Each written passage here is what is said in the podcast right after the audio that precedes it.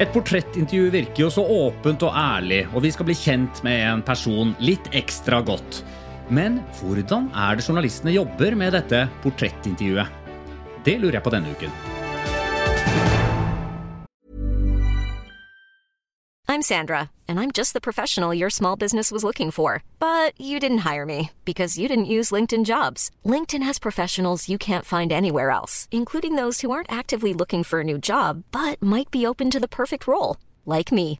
In a given month, over 70% of LinkedIn users don't visit other leading job sites. So if you're not looking on LinkedIn, you'll miss out on great candidates like Sandra. Start hiring professionals like a professional. Post your free job on linkedin.com/people today. Many of us have those stubborn pounds that seem impossible to lose, no matter how good we eat or how hard we work out. My solution is PlushCare. PlushCare is a leading telehealth provider with doctors who are there for you day and night to partner with you in your weight loss journey. They can prescribe FDA-approved weight loss medications like Wagovi and Zepbound for those who qualify. Plus, they accept most insurance plans. To get started, visit plushcare.com slash weight loss. That's plushcare.com slash weight loss. Velkommen til Tut og mediekjør, podkasten som går bak overskriftene og skal forklare hvordan journalistikken blir til. Og i dag er det en spesialsending. For i dag så skal vi virkelig fortelle hvordan journalistikken blir til. Du skal nå få et innblikk i hvordan et portrettintervju lages, sett fra intervjuobjektets ståsted. Jeg har nemlig fått tak i noen eh, telefonsamtaler som gir et unikt innblikk i hvilke vurderinger som da blir gjort mellom journalist og intervjuobjekt. Det er sånn at Eva har fått spørsmål om hun vil bli portrettert i Aftenposten. Hun er skeptisk, men Svein Tore går rett inn i rollen som PR-rådgiver. Og her er resultatet. Torsdag 11. mars klokken 18.03. Hei, du. Hei, det er meg. Har du sett uh, Vi har fått mail, eller du har fått mail? Nei. Jeg leser jo ikke mail så ofte som deg, vet du. Det vet du jo.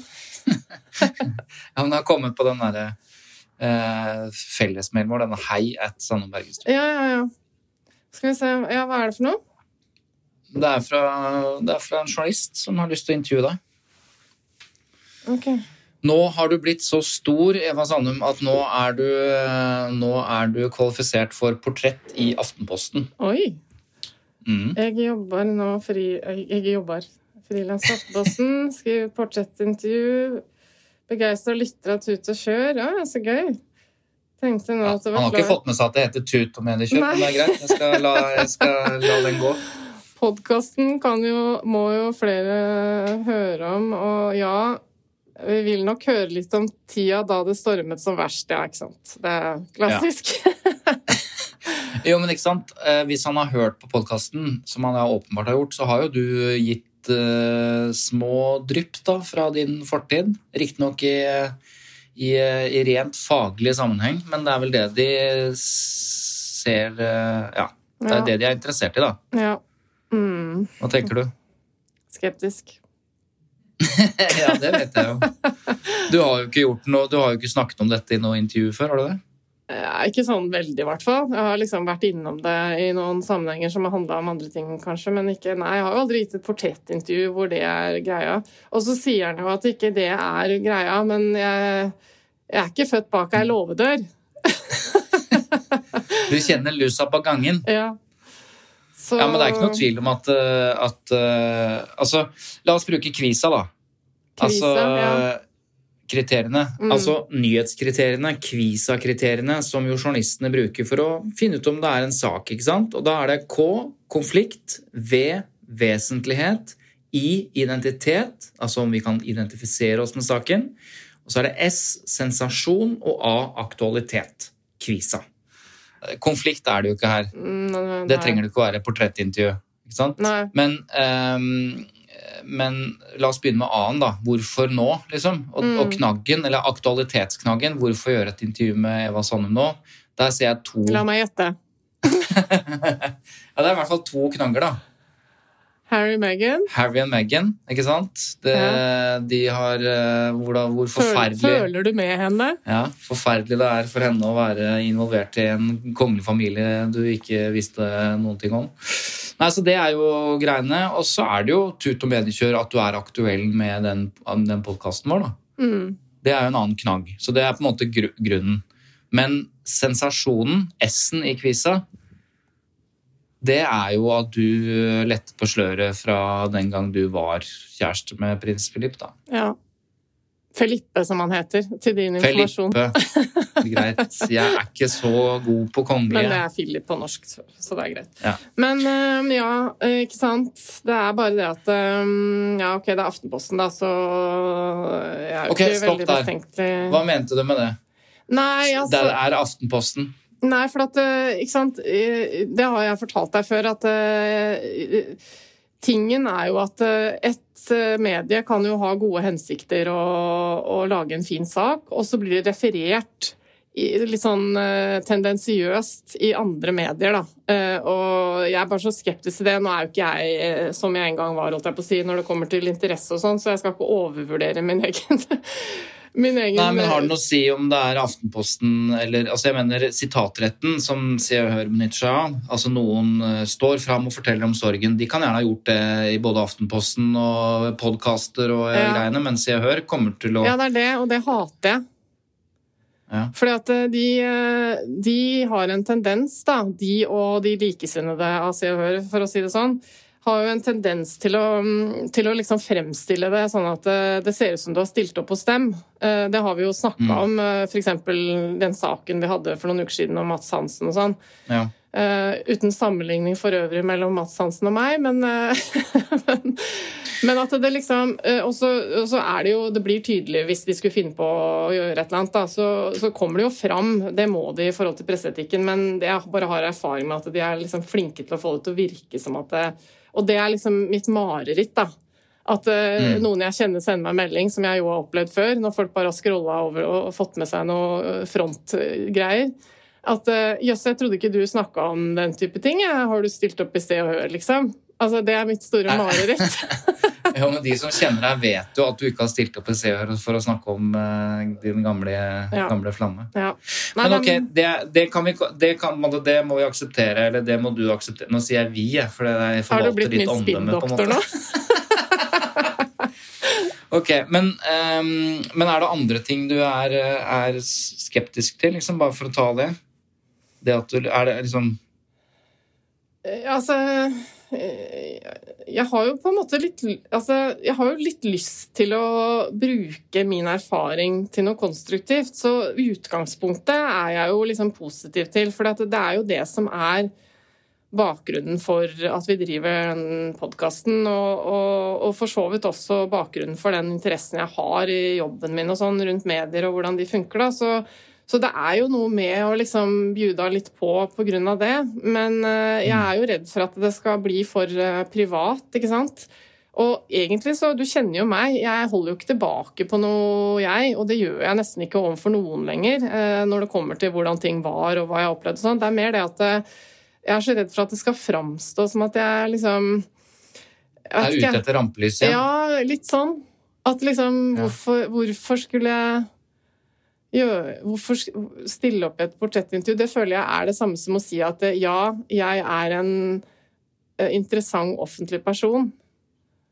På en måte. Det er ikke du som bestemmer det. Det er jo journalist, altså det er journalisten og Aftenposten som på en måte har definert det som aktuelt. Og så må du på en måte eh, ta stilling til det, da, om, om, du, eh, om du er enig. Og så er det jo ofte sånn, da, la oss være ærlige, har vi noe å selge? Mm, Altså, ikke sant? Når man stiller opp i et, et avisintervju, så er det sånn Ok, hva kan jeg få ut av dette? mm. Eh, journalistene vet hva de får ut av det. De skal selge aviser og skape interesse. Og Ja, og det er der, det er der jeg blir redd. Jo, men, men, eh, men la oss si at vi hadde levd av den podkasten her, da. Ja, det gjør vi At det ikke, hadde men ja. en. Da, da, hadde du, da hadde du kanskje liksom Ok, da stiller jeg opp. Fordi at hvis jeg stiller opp nå, så får vi flere lyttere, så får vi mer inntekter, så kan vi holde Men vi lever jo ikke av dette. Det spiller jo ingen Nei rolle da, for men det skader jo ikke at eh, flere får høre om eh, det vi bruker en del tid på å lage.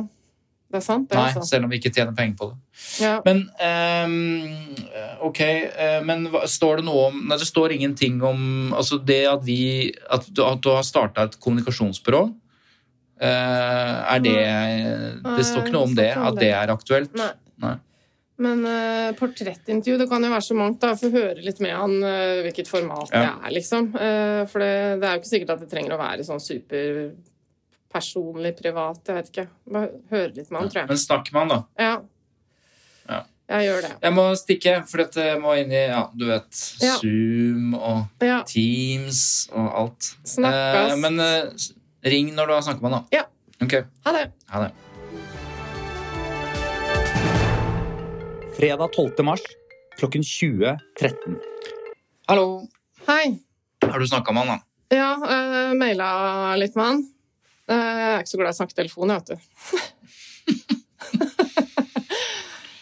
uh, ja, uh, han er jo veldig eh, proff og, og forståelsesfull, han altså. Jeg, jeg var liksom tydelig på at jeg er litt opptatt av at intervjuet skal ha sånn hovedfokus på den profesjonelle Eva, ikke den private. Ok, Hva er den profesjonelle Eva?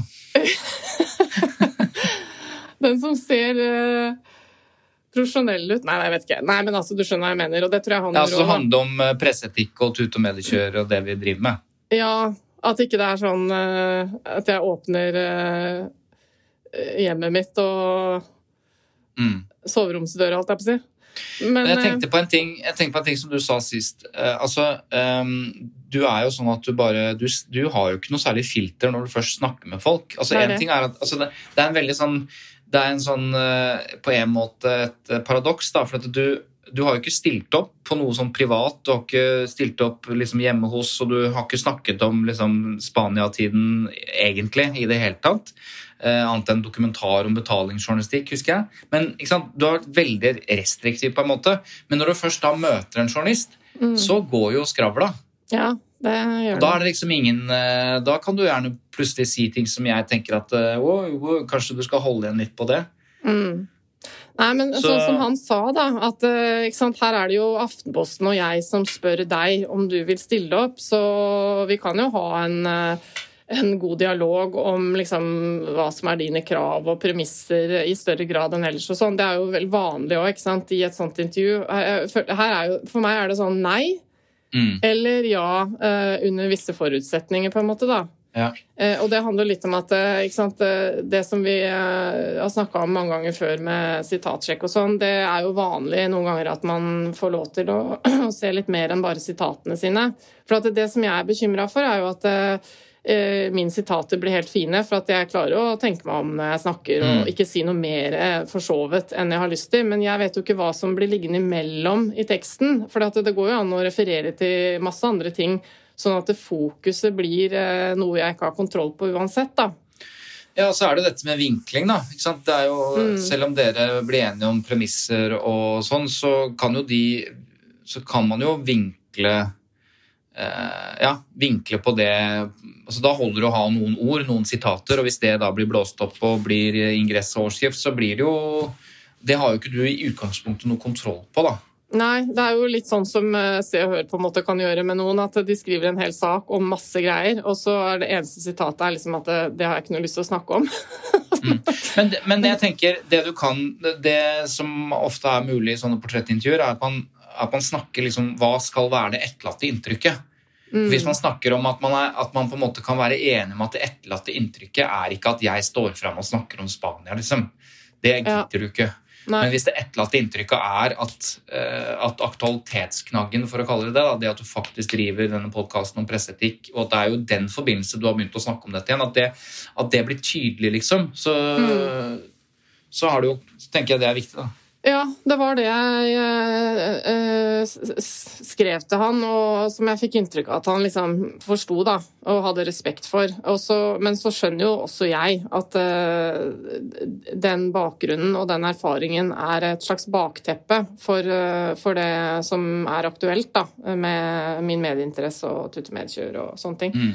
Men, men han uh, antyda at øh, han har forståelse for at jeg er litt øh, liksom stressa på dette her, og at, at jeg kan jo lese ikke bare sitatene, men eh, hele teksten, sånn at jeg får et inntrykk da, som jeg kan leve med. Og det betyr jo, det, det- er det som er ja. litt sånn vanskelig, for det betyr jo ikke nødvendigvis at jeg får gjort noe med det, hvis du skjønner. Eh, Så da må jeg bare stole på at eh, altså, Det er jo ikke noe grunn til å tro at han eller Aftenposten er ute etter å lure meg, liksom. Egentlig. nei. nei, og så er det jo sånn med presseetikken ikke sant? at ok, presseetikken eh, og reglene ved varselplakaten, det er én ting. Men det går an å gjøre avtaler. Det står jo i Vær varselplakaten at avtaler skal holdes. ikke sant? Sånn at mm. man kan gjøre avtaler eh, som er på en måte hva skal jeg si, sånn at du gir deg mer innsikt og mer kontroll. da, for så vidt. I, og det er ikke helt uvanlig det i portrettsammenhenger. at man har jo på en måte en, en større felles interesse at dette skal bli bra, enn Ja. et vanlig nyhetsintervju da, hvor du bare får se sitatene dine. liksom. Ja, ikke sant? Det er mer et samarbeid, på en måte. Eller det er jo ikke et samarbeid, men det er i større grad det, da. Ja. Mm. Men, eh, men det høres ut som du er eh, at eh, Jeg, vil- jeg syns jo det er fornuftig av deg å stille opp, fordi at eh, du får et annet publikum til å snakke om nettopp det vi snakker om i podkasten. Altså de dilemmaene som, som man både som intervjuobjekt og for så vidt som journalist står overfor. At presseetikken ikke bare er paragrafer, men det er ja, det er blindsoner i presseetikken, og det er ting som du er opptatt av da, i, i, i, som du kan snakke om i dette intervjuet, selv om du ikke du har kontroll på hva, hva han tar med. For det er også en sånn, Du kan jo sitte og snakke i to timer, og så Det tar ikke to Mm. timer å lese artikkelen etterpå. for å si det sånn. Han gjør jo sitt utvalg. Mm. Men jeg er positiv, da. Ja. Mm. Sa hun og sukket dypt. Nei, Hva tenker det du det er kan ha- veldig koselig, men eh, ja. Hva kan det, hva kan, hvis du tenker sånn worst Vi er jo vant til å tenke kriseberedskap og worst, worst case scenario for kundene våre. Hva er liksom det verste som kan skje? Eh, At det står på, på front, da, eller liksom sånn når det, hvis det legges ut på nettet. Eh, Ja, for at det er den derre mm, Det sa han, at det er det derre portrettet som er i lørdagsavisa. Jeg tror det er i papirutgaven, så det er litt sånn stort med litt sånn Det er fire sider, da. Med Ja, bilder ja, og privat og greier. Ja, det er det, ikke sant. Men at det, det verste er liksom at det, det, det frontes, eh, og så er det sånn Snakker ut om den vanskelige fortiden, på en måte. Ja, men det Altså, jeg kjenner jo han journalisten. Han, altså, det er jo ikke det Det er jo ikke sånt han driver med, på en måte. Nei, men det, er- det er det som er greia, vet du. At det er han Jeg har ikke noe jeg, Altså, jeg tviler ikke et sekund på han. Eh, det er jo masse andre folk som skal fronte Desken. og sånn. Desken, ja. som ikke har vært i, involvert i den dialogen i det hele tatt. Og, og bare tenker Mm. oi, hvordan skal jeg selge denne saken så det blir mest mulig klikk? Det er jo det de sitter der for. Men, Mm. eh, nei, men han sa det at eh, det går an for han å, ha, å følge den prosessen til mål litt tettere. At, han kan liksom, Mm. eh, at vi kan være enige om at han skal prøve å uh, formidle det videre. Da, sånn at det, det ikke Ja. altså, At tittel og forside og, og frontgreier og sånn ikke liksom tar helt av. Så det må Men jeg du, jeg, jeg tenk- stole på han på. Men jeg, når, jeg tenkte, når jeg spurte worst case, så tenker jeg mer sånn Det er jo sånn at det, at det er ukes fortsatt den dag i dag, 20 år etter. Og hvis du slår opp på nett, nå skal vi ikke oppfordre folk til det, men det er jo fortsatt ukesaktuelle skriverier i Spania om deg i dag, liksom. Ja, Det gir seg jo ikke ikke. ukesaktuelle, men det er mye greier. Ja, og jeg, jeg har sjekka. Og, det ikke, og da tenker jeg worst case er sånn Hvordan vil spanske medier eh, håndtere eller, eller videreformidle, hvis de vil det, Mm. fra dette intervjuet? Ja, det er det- klart, det tenker jeg også på. Eh, Fordi liksom min samvittighet overfor de jeg kjenner eh, der, på en måte. Da, at ikke det, det er det samme. Ikke sant? Jeg vil ikke at det, det, men det kan jeg jo kanskje kreve. At de ikke skal selge det intervjuet eh, Ja. videre til Spania. Sånn som det er sånn utvekslingssaker noen ganger, at man selger på en Ja. måte At det- intervjuet Ja, det- publiseres som at jeg har gitt det til en spansk eh, et spansk magasin eller avis, det går det vel sikkert an å hindre. Ja, ja, det tenker jeg ligger i Det handler jo også om bilder. ikke sant? At, eh, at man kan gjøre avtaler om at dette bildet skal brukes bare her, f.eks. Mm. Og da skal det stå, da skal det tagges i bildedatabasen, enten det er i Aftenposten eller NTB Scanpix eller hva, så står det at dette bildet kan bare brukes sånn Ja, og sånn. det Den type, avtale, Mm. ja, så den type avtale kan du gjøre, og det gjelder også at du kan eh, mene noe om Det antar jeg, at du kan mene noe om dette skal selges videre. Jeg tenkte mer på sitat, altså ikke hele intervjuet, men at de kan jo bare oversette dette og, og vise og det, kom, faksimile det og sånn. kommer de kanskje til. Det får jeg ikke gjort noe med. Mm. Men da Nei. er det jo litt greit at, eh, ja, sant, at jeg har litt kontroll på hvordan det blir, da, sånn at jeg kan se litt for meg hvordan det blir eh, sitert og slått opp eventuelt i Spania. Ja, det er litt sånn av hensyn til Filip omtrent, liksom, eller andre folk. Ja. Altså At det ikke bare virker som at jeg plutselig liksom åpner opp. Ja, og tjener penger på å selge story. Ja. Men eh, da gjør du intervju, da. Ja, du syns det?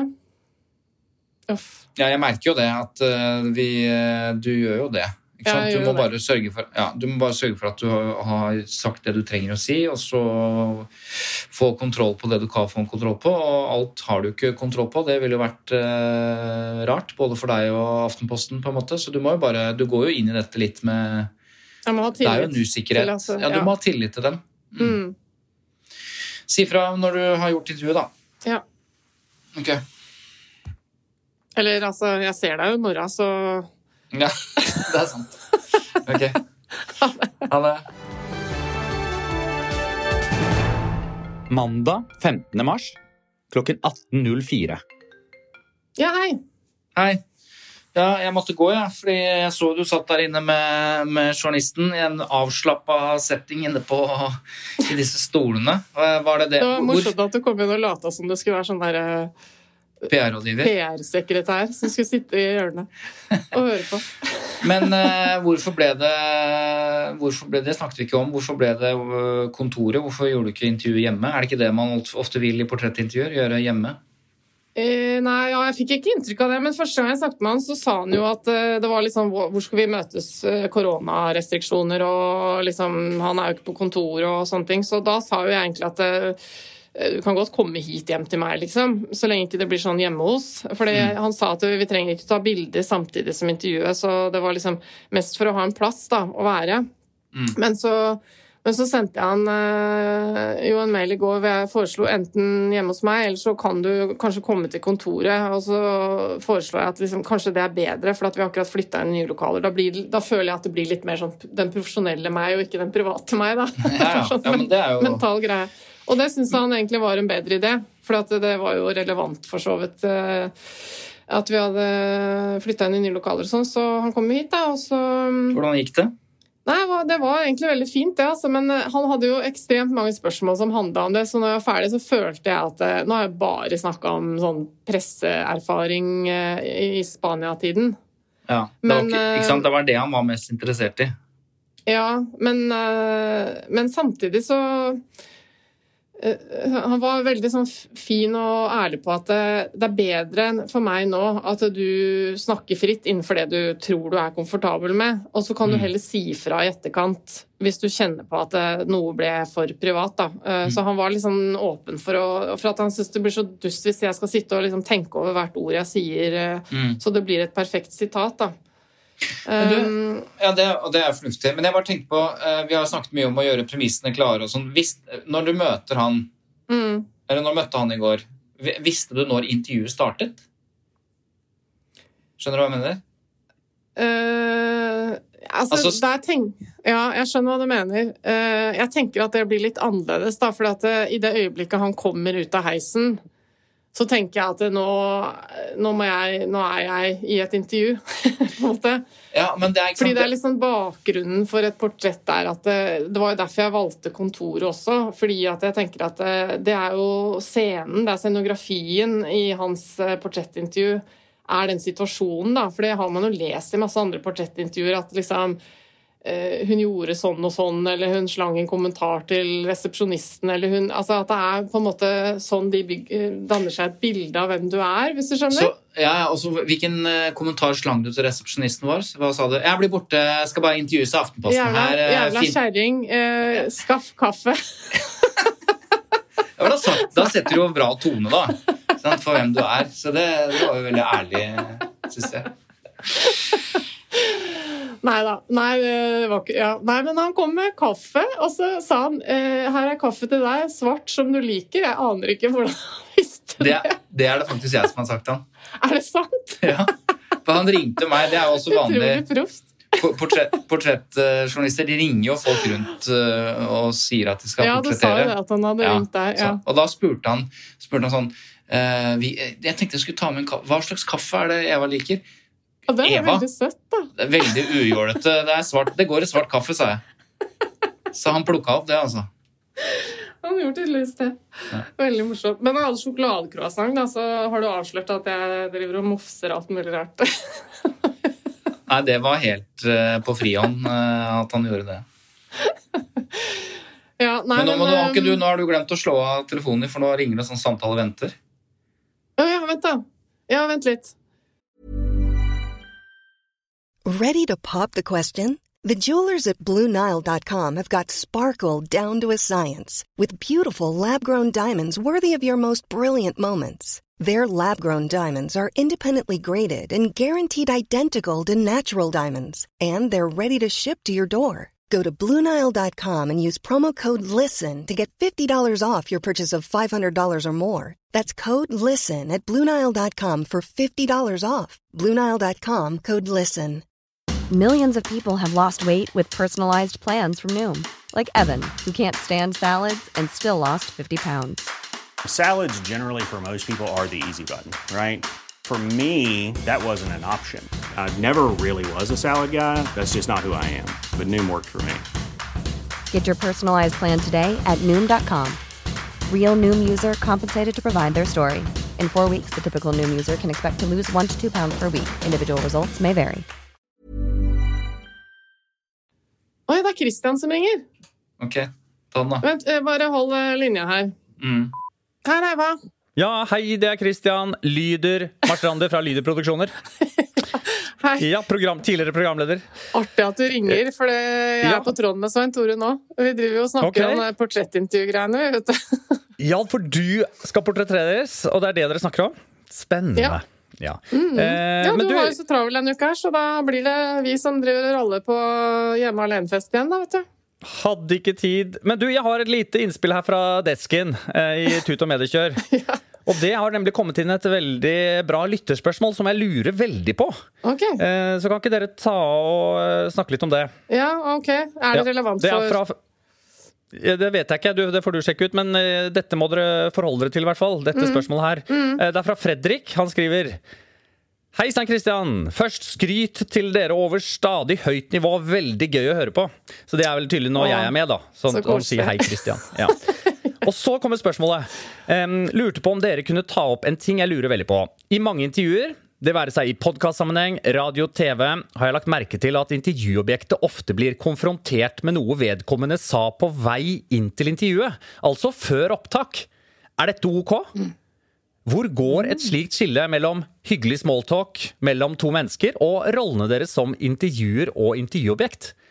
Det har jeg tenkt mye på. Det er et utrolig bra spørsmål. Ja, det er jo det, og det er veldig relevant egentlig til det vi driver og snakker om nå.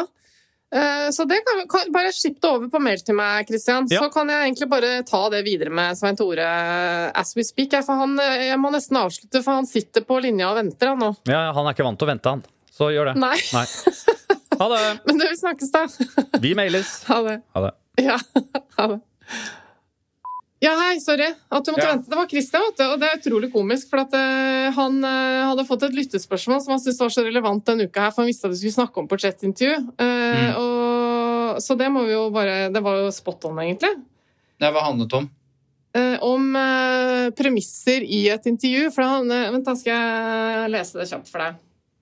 Eh, I mange intervjuer, eh, være seg i podkastsammenheng, radio, TV osv., har jeg lagt merke til at intervjuobjektet ofte blir konfrontert med noe vedkommende sa på vei inn til intervju. Det var jo akkurat det vi snakka om. Ja. Altså før opptak.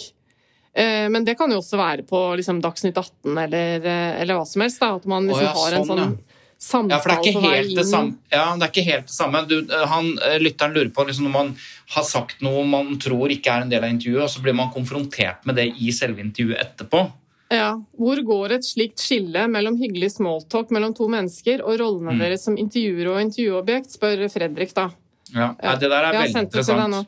Ja. Ja, um, nei, ja, det er det. For at øh, det er jo det som du spesielt har vært utrolig opptatt av lenge. Det der at det, det går jo an å sitte og prate som en slags sånn bakgrunnsforberedelsessamtale i et intervju, og så blir man liksom litt enig om at øh, jeg har lyst til å snakke om det, og det er viktig for meg å få sagt det og sånn, og så sier man nå starter intervjuet, sånn at alt det du nå sier, det kan jeg sitere deg på. Det ville vært en utrolig ryddig setting, da. Ja, altså Her er det sånn at det står i eh, Vær varsom-plakaten at du skal gjøre premissene klare. Også Grunnen til at jeg er opptatt av dette, er at de fleste journalister aldri gjør premissene klare. De bare ringer og sier 'hei, det er fra Aftenposten her, du, jeg bare lurte på en ting'. Og så begynner intervjuet uten at det er lagt noen premisser. I hvert fall hvis det er Mm. profesjonelle kilder, da. At det ikke er liksom helt ikke sant? Eh, og da vil journalistene alltid forsvare seg med at når jeg presenterer meg som journalist, eh, så Mm. må jo da den jeg snakker med, forstå at jeg er journalist, jeg stiller spørsmål, altså er det et intervju. Det er logikken deres da når de skal forsvare seg for hvorfor de faktisk ikke har gjort premissene klare. Mm. Men det man kan være trygg på, er at hvis du stopper opp da og sier unnskyld, jeg må vite hva dette her er for noe. Eh, Skal vi, eh, skal vi gjøre et intervju? Er det en bakgrunnssamtale? Og hvis dere da blir enige med en bakgrunnssamtale, så kan man ikke bruke og si ja, det er greit. Mm. Da kan ikke journalisten bruke det sånn som lytteren lurer på, og bruke det som blir sagt da i den uformelle bakgrunnssamtalen, og bruke det i intervjuet. Det ville i hvert fall vært et klart brudd på presseetikken, sånn som jeg ser det. Men det er når de avtalene ikke er gjort, og det bare er en journalist som møter noen, så vil journalisten kunne si at ja, men ikke sant, eh, jeg er journalist, jeg, jeg bruker jo alt jeg både ser og hører og alt mulig sånn. Sånn at Mm. eh, det, det er jo derfor vi sier til våre kunder da, når de lurer på det, liksom, når starter intervjuet? Altså, ja, ja, hvis dere ikke avtaler når intervjuet starter, så må du ta utgangspunkt i at intervjuet varer fra du tar opp telefonen eller møter journalisten til dere går igjen. Men, det, men fordelen er jo å gjøre nettopp det klart. Altså, hva er her sitater, og hva er bakgrunn, osv. Ja, og vi sier jo ofte at eh, hvis det er utydelig hva som er eh, av premisser, så må du ta ansvar for det selv. Ja. Så det går an å si at eh, ja, jeg kan godt eh, fortelle hva jeg tenker om dette her, men først på bakgrunn har bare behov for å tenke litt høyt. Nettopp. Og så kan vi vurdere etterpå om jeg er interessert i å la meg intervjue, på en måte. Men det er det ikke så mange som tenker at det er mulig, da. For det, det kjenner jeg meg selv igjen i. Jeg har jo hatt en del å gjøre med media. Men eh, jeg blir veldig Det er fort høy puls når jeg har en journalist på tråden. Eh, og da får man jo litt lyst til å tenke sånn Ja, OK, hva er det det gjelder? Ja, kan jeg ringe deg opp igjen, liksom? Uh, bare for å få tid til å summe seg litt og tenke over hva man har lyst til å si. Ja, og det, uh, og det, er, og det, er derfor det, er det er derfor dette er så viktig, da. Fordi at øh, For selv erfarne folk de blir bare sånn helt Oi, nå ringer en journalist, da må jeg nesten bare ta den, eller da må jeg begynne å svare. Eller man blir liksom nervøs. Man blir nervøs fordi man er usikker på hva som nå kommer, Ja. og hva jeg må svare på. Altså, og det gjør at øh, og det, Egentlig så vil jo, vil jo det gå utover svaret og kvaliteten på svaret, fordi at man man snakker jo ikke, man svarer jo ikke godt hvis man er usikker. Så dette her mener jeg liksom er et, en felles interesse. da. Men uh, vi snakka jo om det vi, fordi jeg lurte på når du Når følte du at intervjuet starta Ja, med han? Ja, for jeg tror kanskje han Fredrik som har sendt spørsmålet, han tenker jo også han skriver podkastsammenheng, og der kjenner jeg jo igjen den der at eh, man kan ha en sånn intervjupodkast, sånn to stykker som sitter og snakker sammen, og så kan man si sånn Ja, for du kommer jo heseblesende inn her, eh, og liksom eh, var for sein og bla, bla, bla. Og så Ja, er det sånn du er? Ikke sant? At man bruker liksom, Ja. noe som skjer i forkant som, eh, som et utgangspunkt, da. Men eh, Men der tenker Men, jeg igjen, eh, da må man være enige. For Kristian Christian har jo også sagt det også at når han lager radio Vi hadde en diskusjon for noen episoder tilbake, så sier jeg at du kan ikke bare starte et opptak og ikke fortelle om det opptaket. Og så liksom bare, ikke sant? Det er i hvert fall, eh, altså Du har jo lov til å ta opp noe du selv er en del av, men poenget er at det er, det er ufint å ikke gi beskjed om at det er opptak. Og så sier ja, du kan i hvert fall ikke publisere det uten å ha Nei, Men så sier, har jo Kristian sagt at jo, men eh, jeg vil jo ha den lyden. For det er, det er verdifull lydmessig at, liksom, at noen bare tar telefonen og, og jeg stiller spørsmål. Men da sa han jo fort at da, det jo, da forteller jeg det etterpå at jeg har tatt opp. Er det greit at jeg bruker det at du tok telefonen? Altså, det handler jo om hele tiden å gjøre, gjøre premissene klare også for hva du skal publisere. da. Så Det tenker jeg gjelder i ditt tilfelle også. Hvis du får nå oversendt intervjuet, Og så har han tatt med den kommentaren at du er ufin mot resepsjonisten. Som...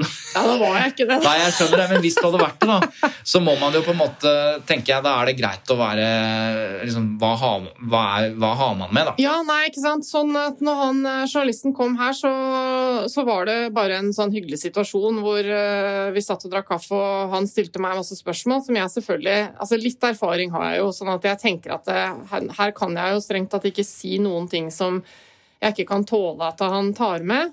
Men uh, så var det et par ting uh, hvor jeg var litt sånn liksom Brukte litt tid da, på å tenke meg om hvordan skal jeg svare på det, sånn at jeg ikke bruker feil ord. Mm.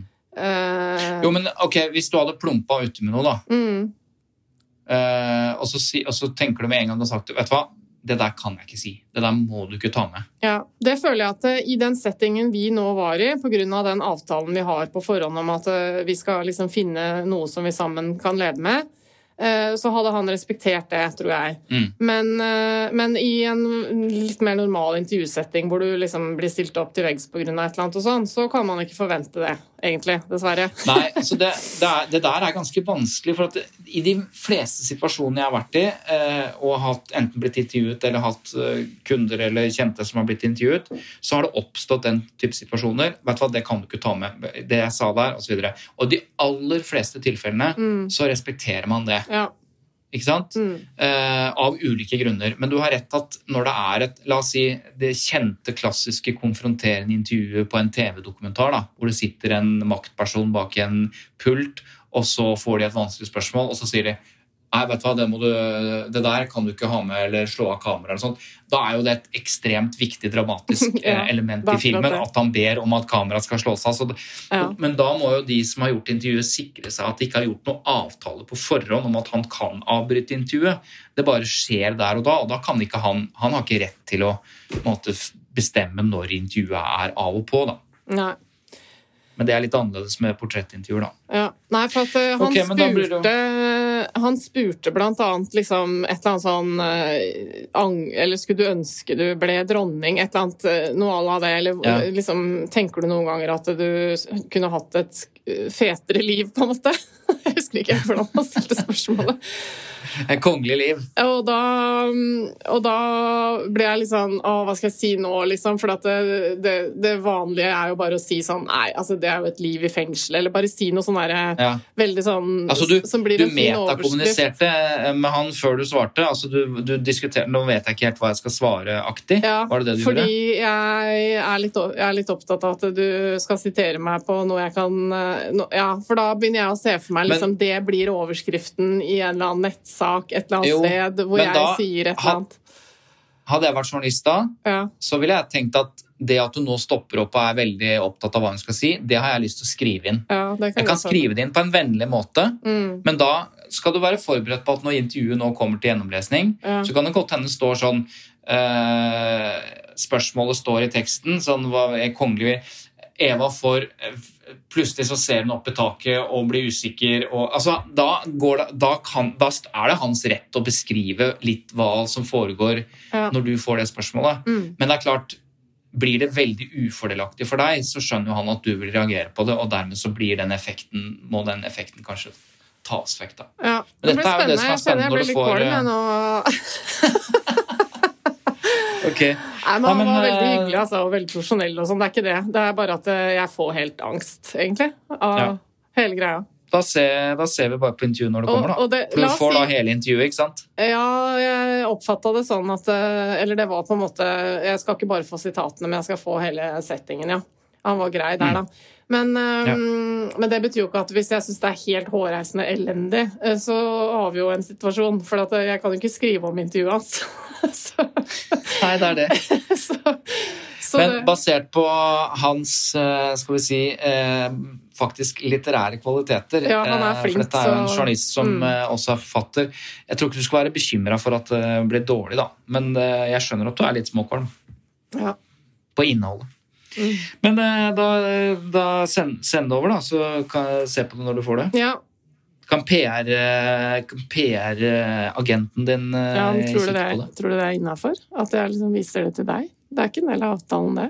Du, bestem, du bestemmer jo selv hvem du vil vise det med. Jeg skjønner det. Altså hvis- sånn eh, utenom podkasten i det normale liv, Ja, du vil jo gjør jeg antageligvis som jeg vise vil, men jeg bare mannen din lurer på om det er moralsk innafor. Ja, jeg må vise det til Torgeir òg, vet du. For at Ja. jeg må føle at når han ser det i avisa, så at ikke han får sånn derre åh, dårlig følelse. Det er jo viktig for meg. Ja. Men Ok. så sant ikke dette, dette intervjuet kommer tilbake til journalisten med liksom eh, 1000 røde streker, så tror jeg det går helt fint, det. Ja, det er jo det jeg, jeg vanligvis ville gjort, da. Men jeg skal Ja. Ja. Mm. Men eh, ja, vi ses i morgen, da. ja ha det. Ok, ha det. Onsdag 17. mars klokken 14.23. Hei. Ja, Har du fått sett på Ja, ja. intervjuet? jeg har lest. Han skrev jo faktisk at det var greit at Svein Tore leste det, Ja. siden han hadde snakka med det. Ja, ok. Men uh, ja. Jeg tenker at uh, du har jo ingen innvirkning på overskrift, selv om han har lagt ved overskriften. Han gjør jo det for at du skal se det, men uh... ja, han skrev i mailen at det var bare to forslag som han ikke var helt i mål med. ok.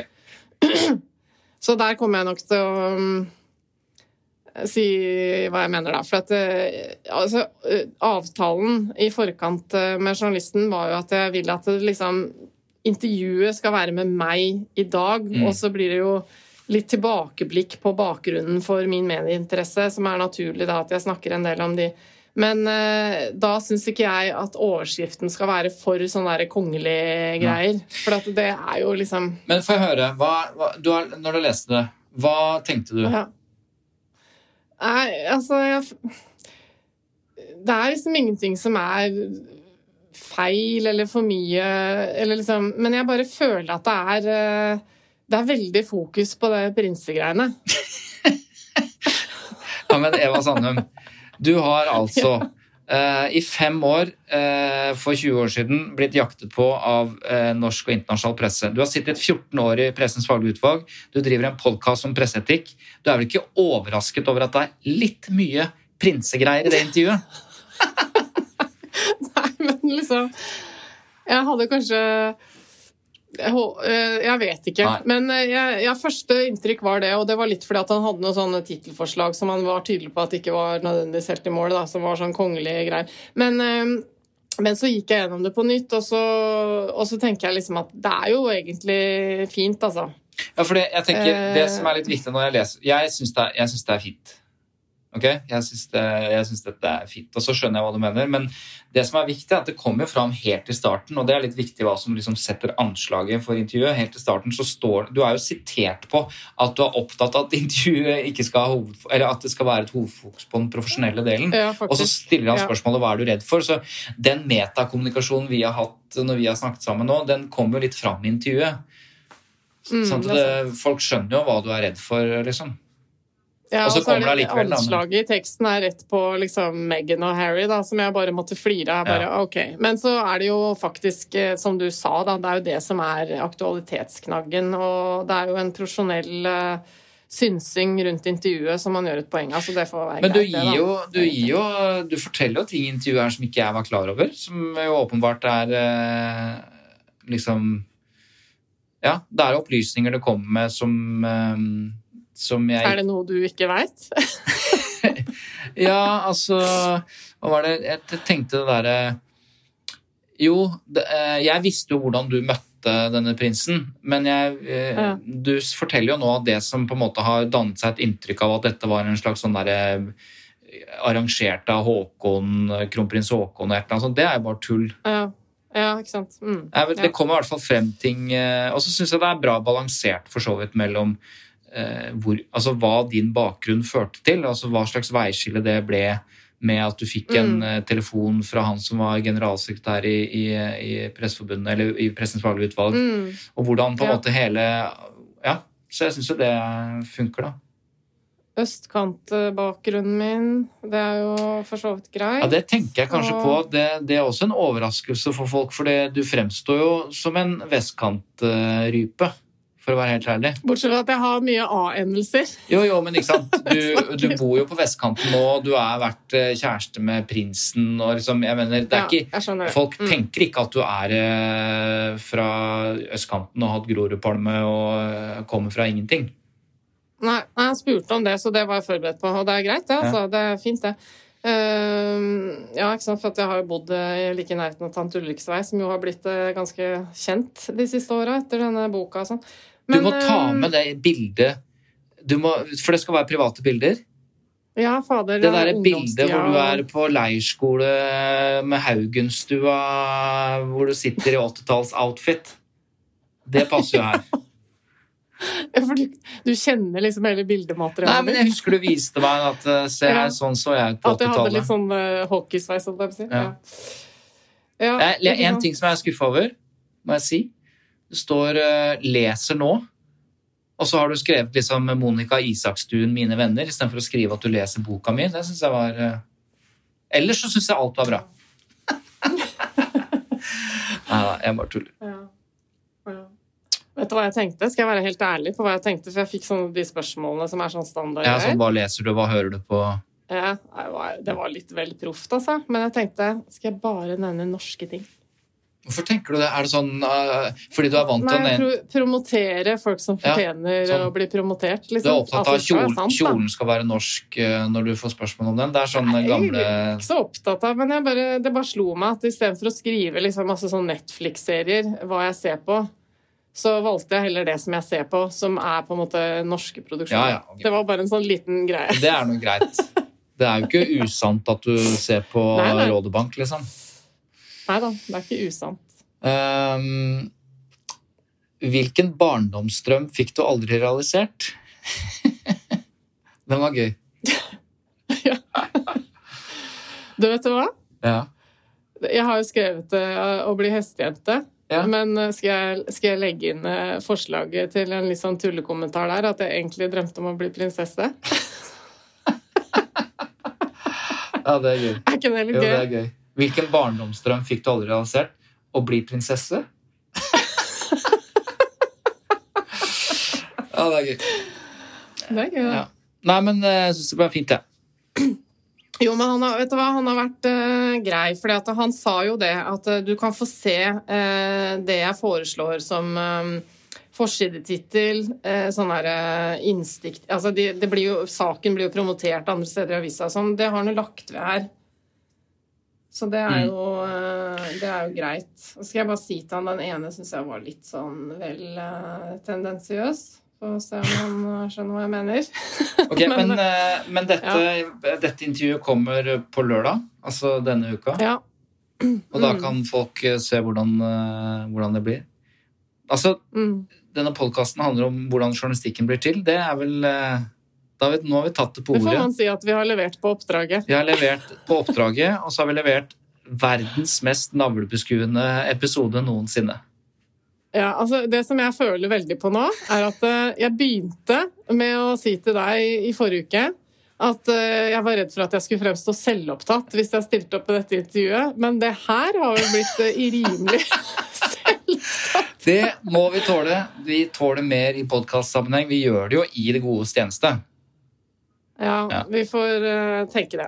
Og så er vi jo som du- alltid eh, opptatt av tilbakemeldinger. Folk får, får skrive hva de syns om denne episoden òg, for det er jo, vi er opptatt av det.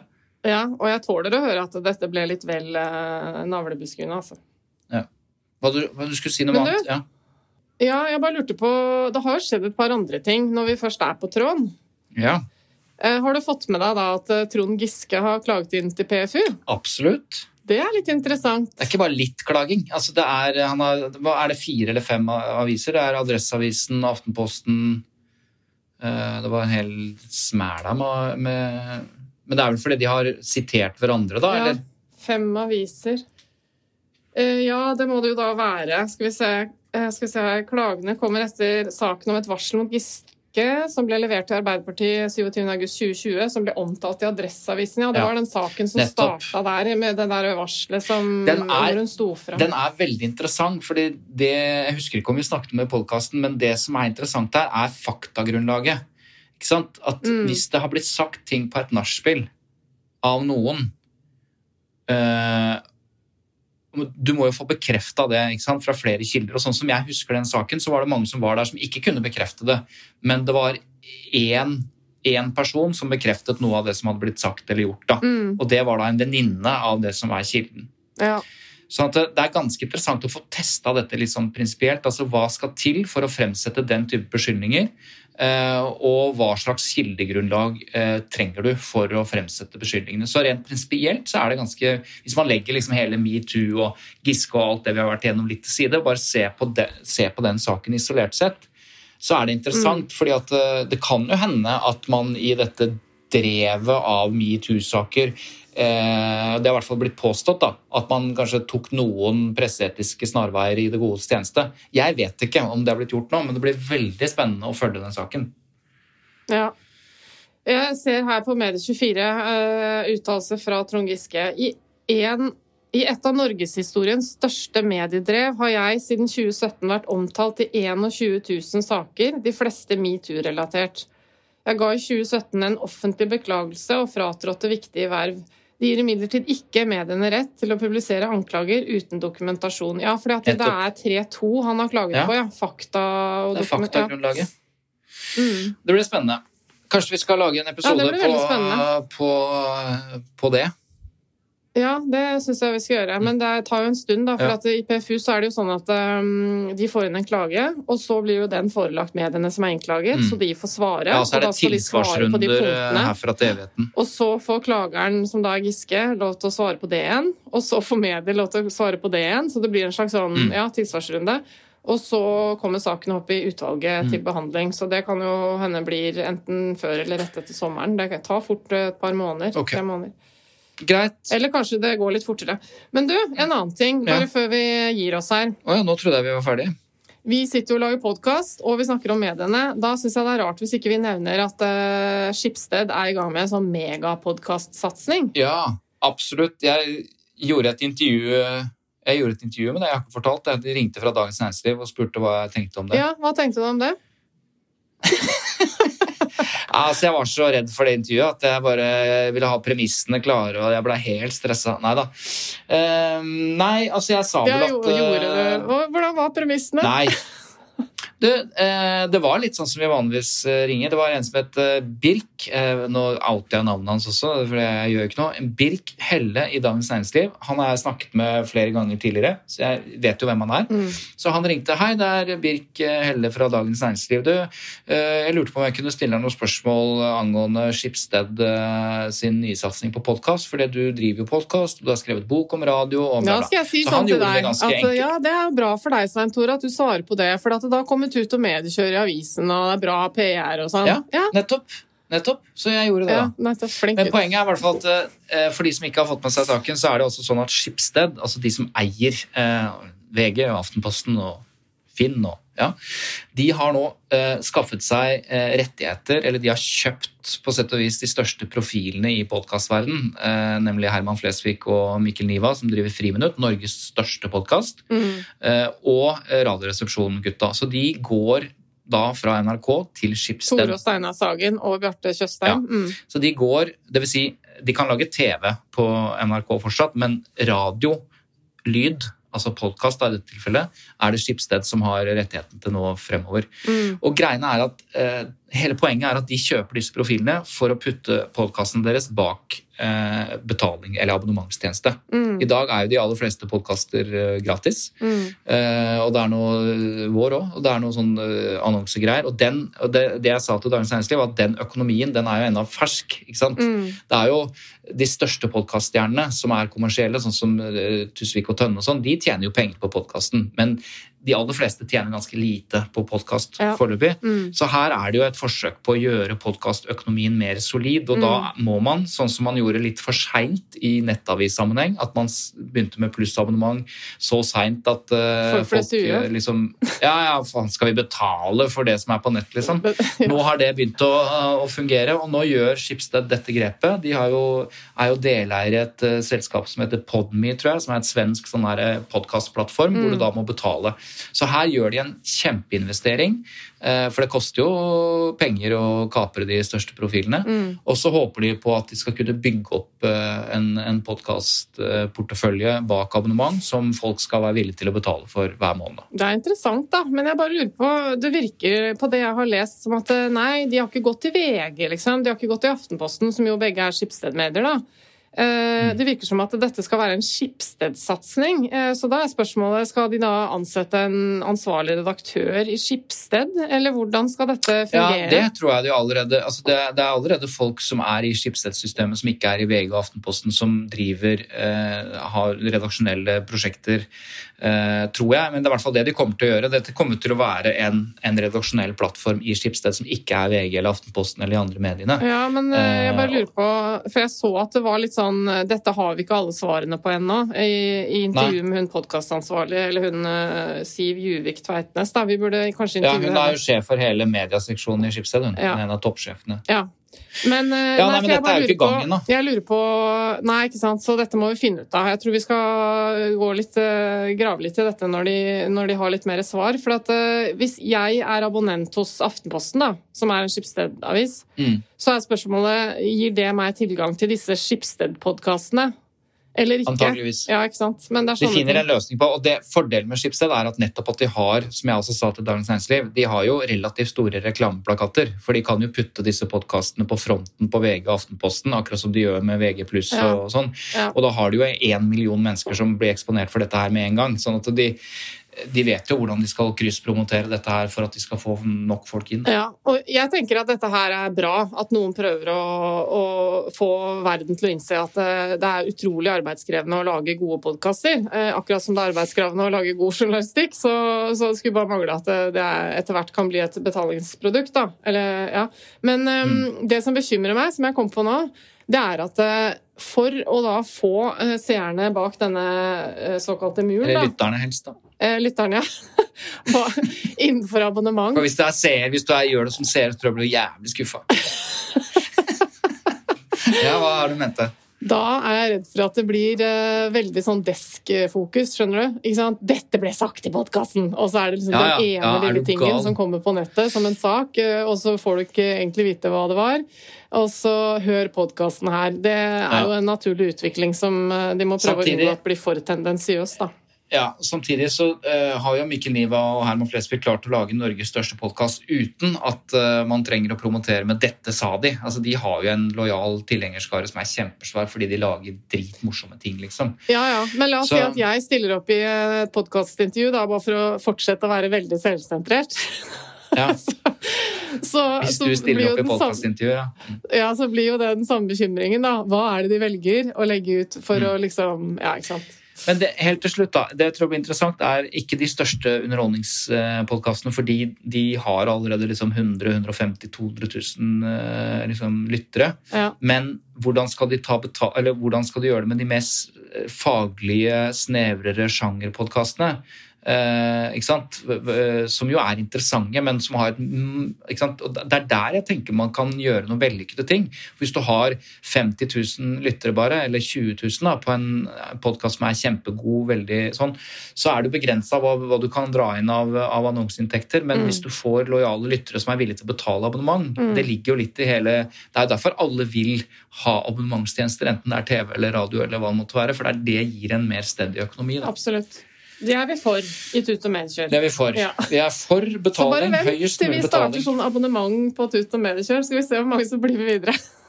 Ja, det skal vi jaggu gjøre. Skal vi se ja. Ja. Men du, eh, det har vært så arbeidskrevende å lage godt innhold på denne podkasten at nå tror jeg vi må Nå må vi si eh, Nå må vi at si det er takk for oss. Ja. Mm. Uh, we'll be back. Eh, denne podkasten er altså Hva, sier, hva pleier Kristian å si? Er Den er da laget av eh, Svein Tore og Eva på iPhone. ja, Og så er Eh, er den produsert av Lyder Produksjoner. Med små innslag av telefonsamtaler fra Christian Lyder Marstrander denne gangen. riktig. Gå inn Han var eh, dessverre opptatt eh, denne uka, så det var like greit at det ble sånn akkurat nå. Mm. Gå inn og eh, trykk på masse stjerner og gi oss tilbakemeldinger. Og i det hele tatt send oss tilbakemeldinger på Facebook-siden Tut og Mennkjør eller tut at lyderproduksjoner.no. Ja. Og så hvis du har noe dritt å si om at vi var for sånn og sånn, så husk at uh, denne uka er jeg litt ekstra skjør på Da anbefaler vi alle i hvert fall å lese, lese Aftenpostens portrettintervju med frøken Sandum på lørdag. Uh, Ja. Yes. Okay. Vel uh, møtt, holdt jeg på å si. Ha det bra. Ha det.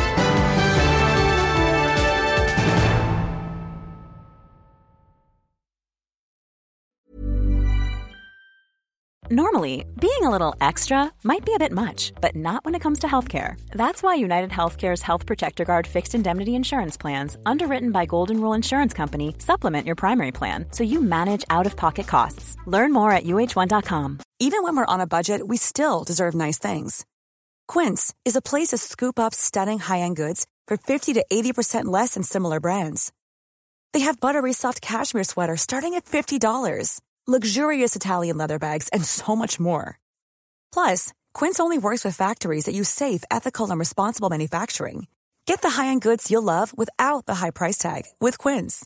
Go to quince.com/style for free shipping and 365-day returns.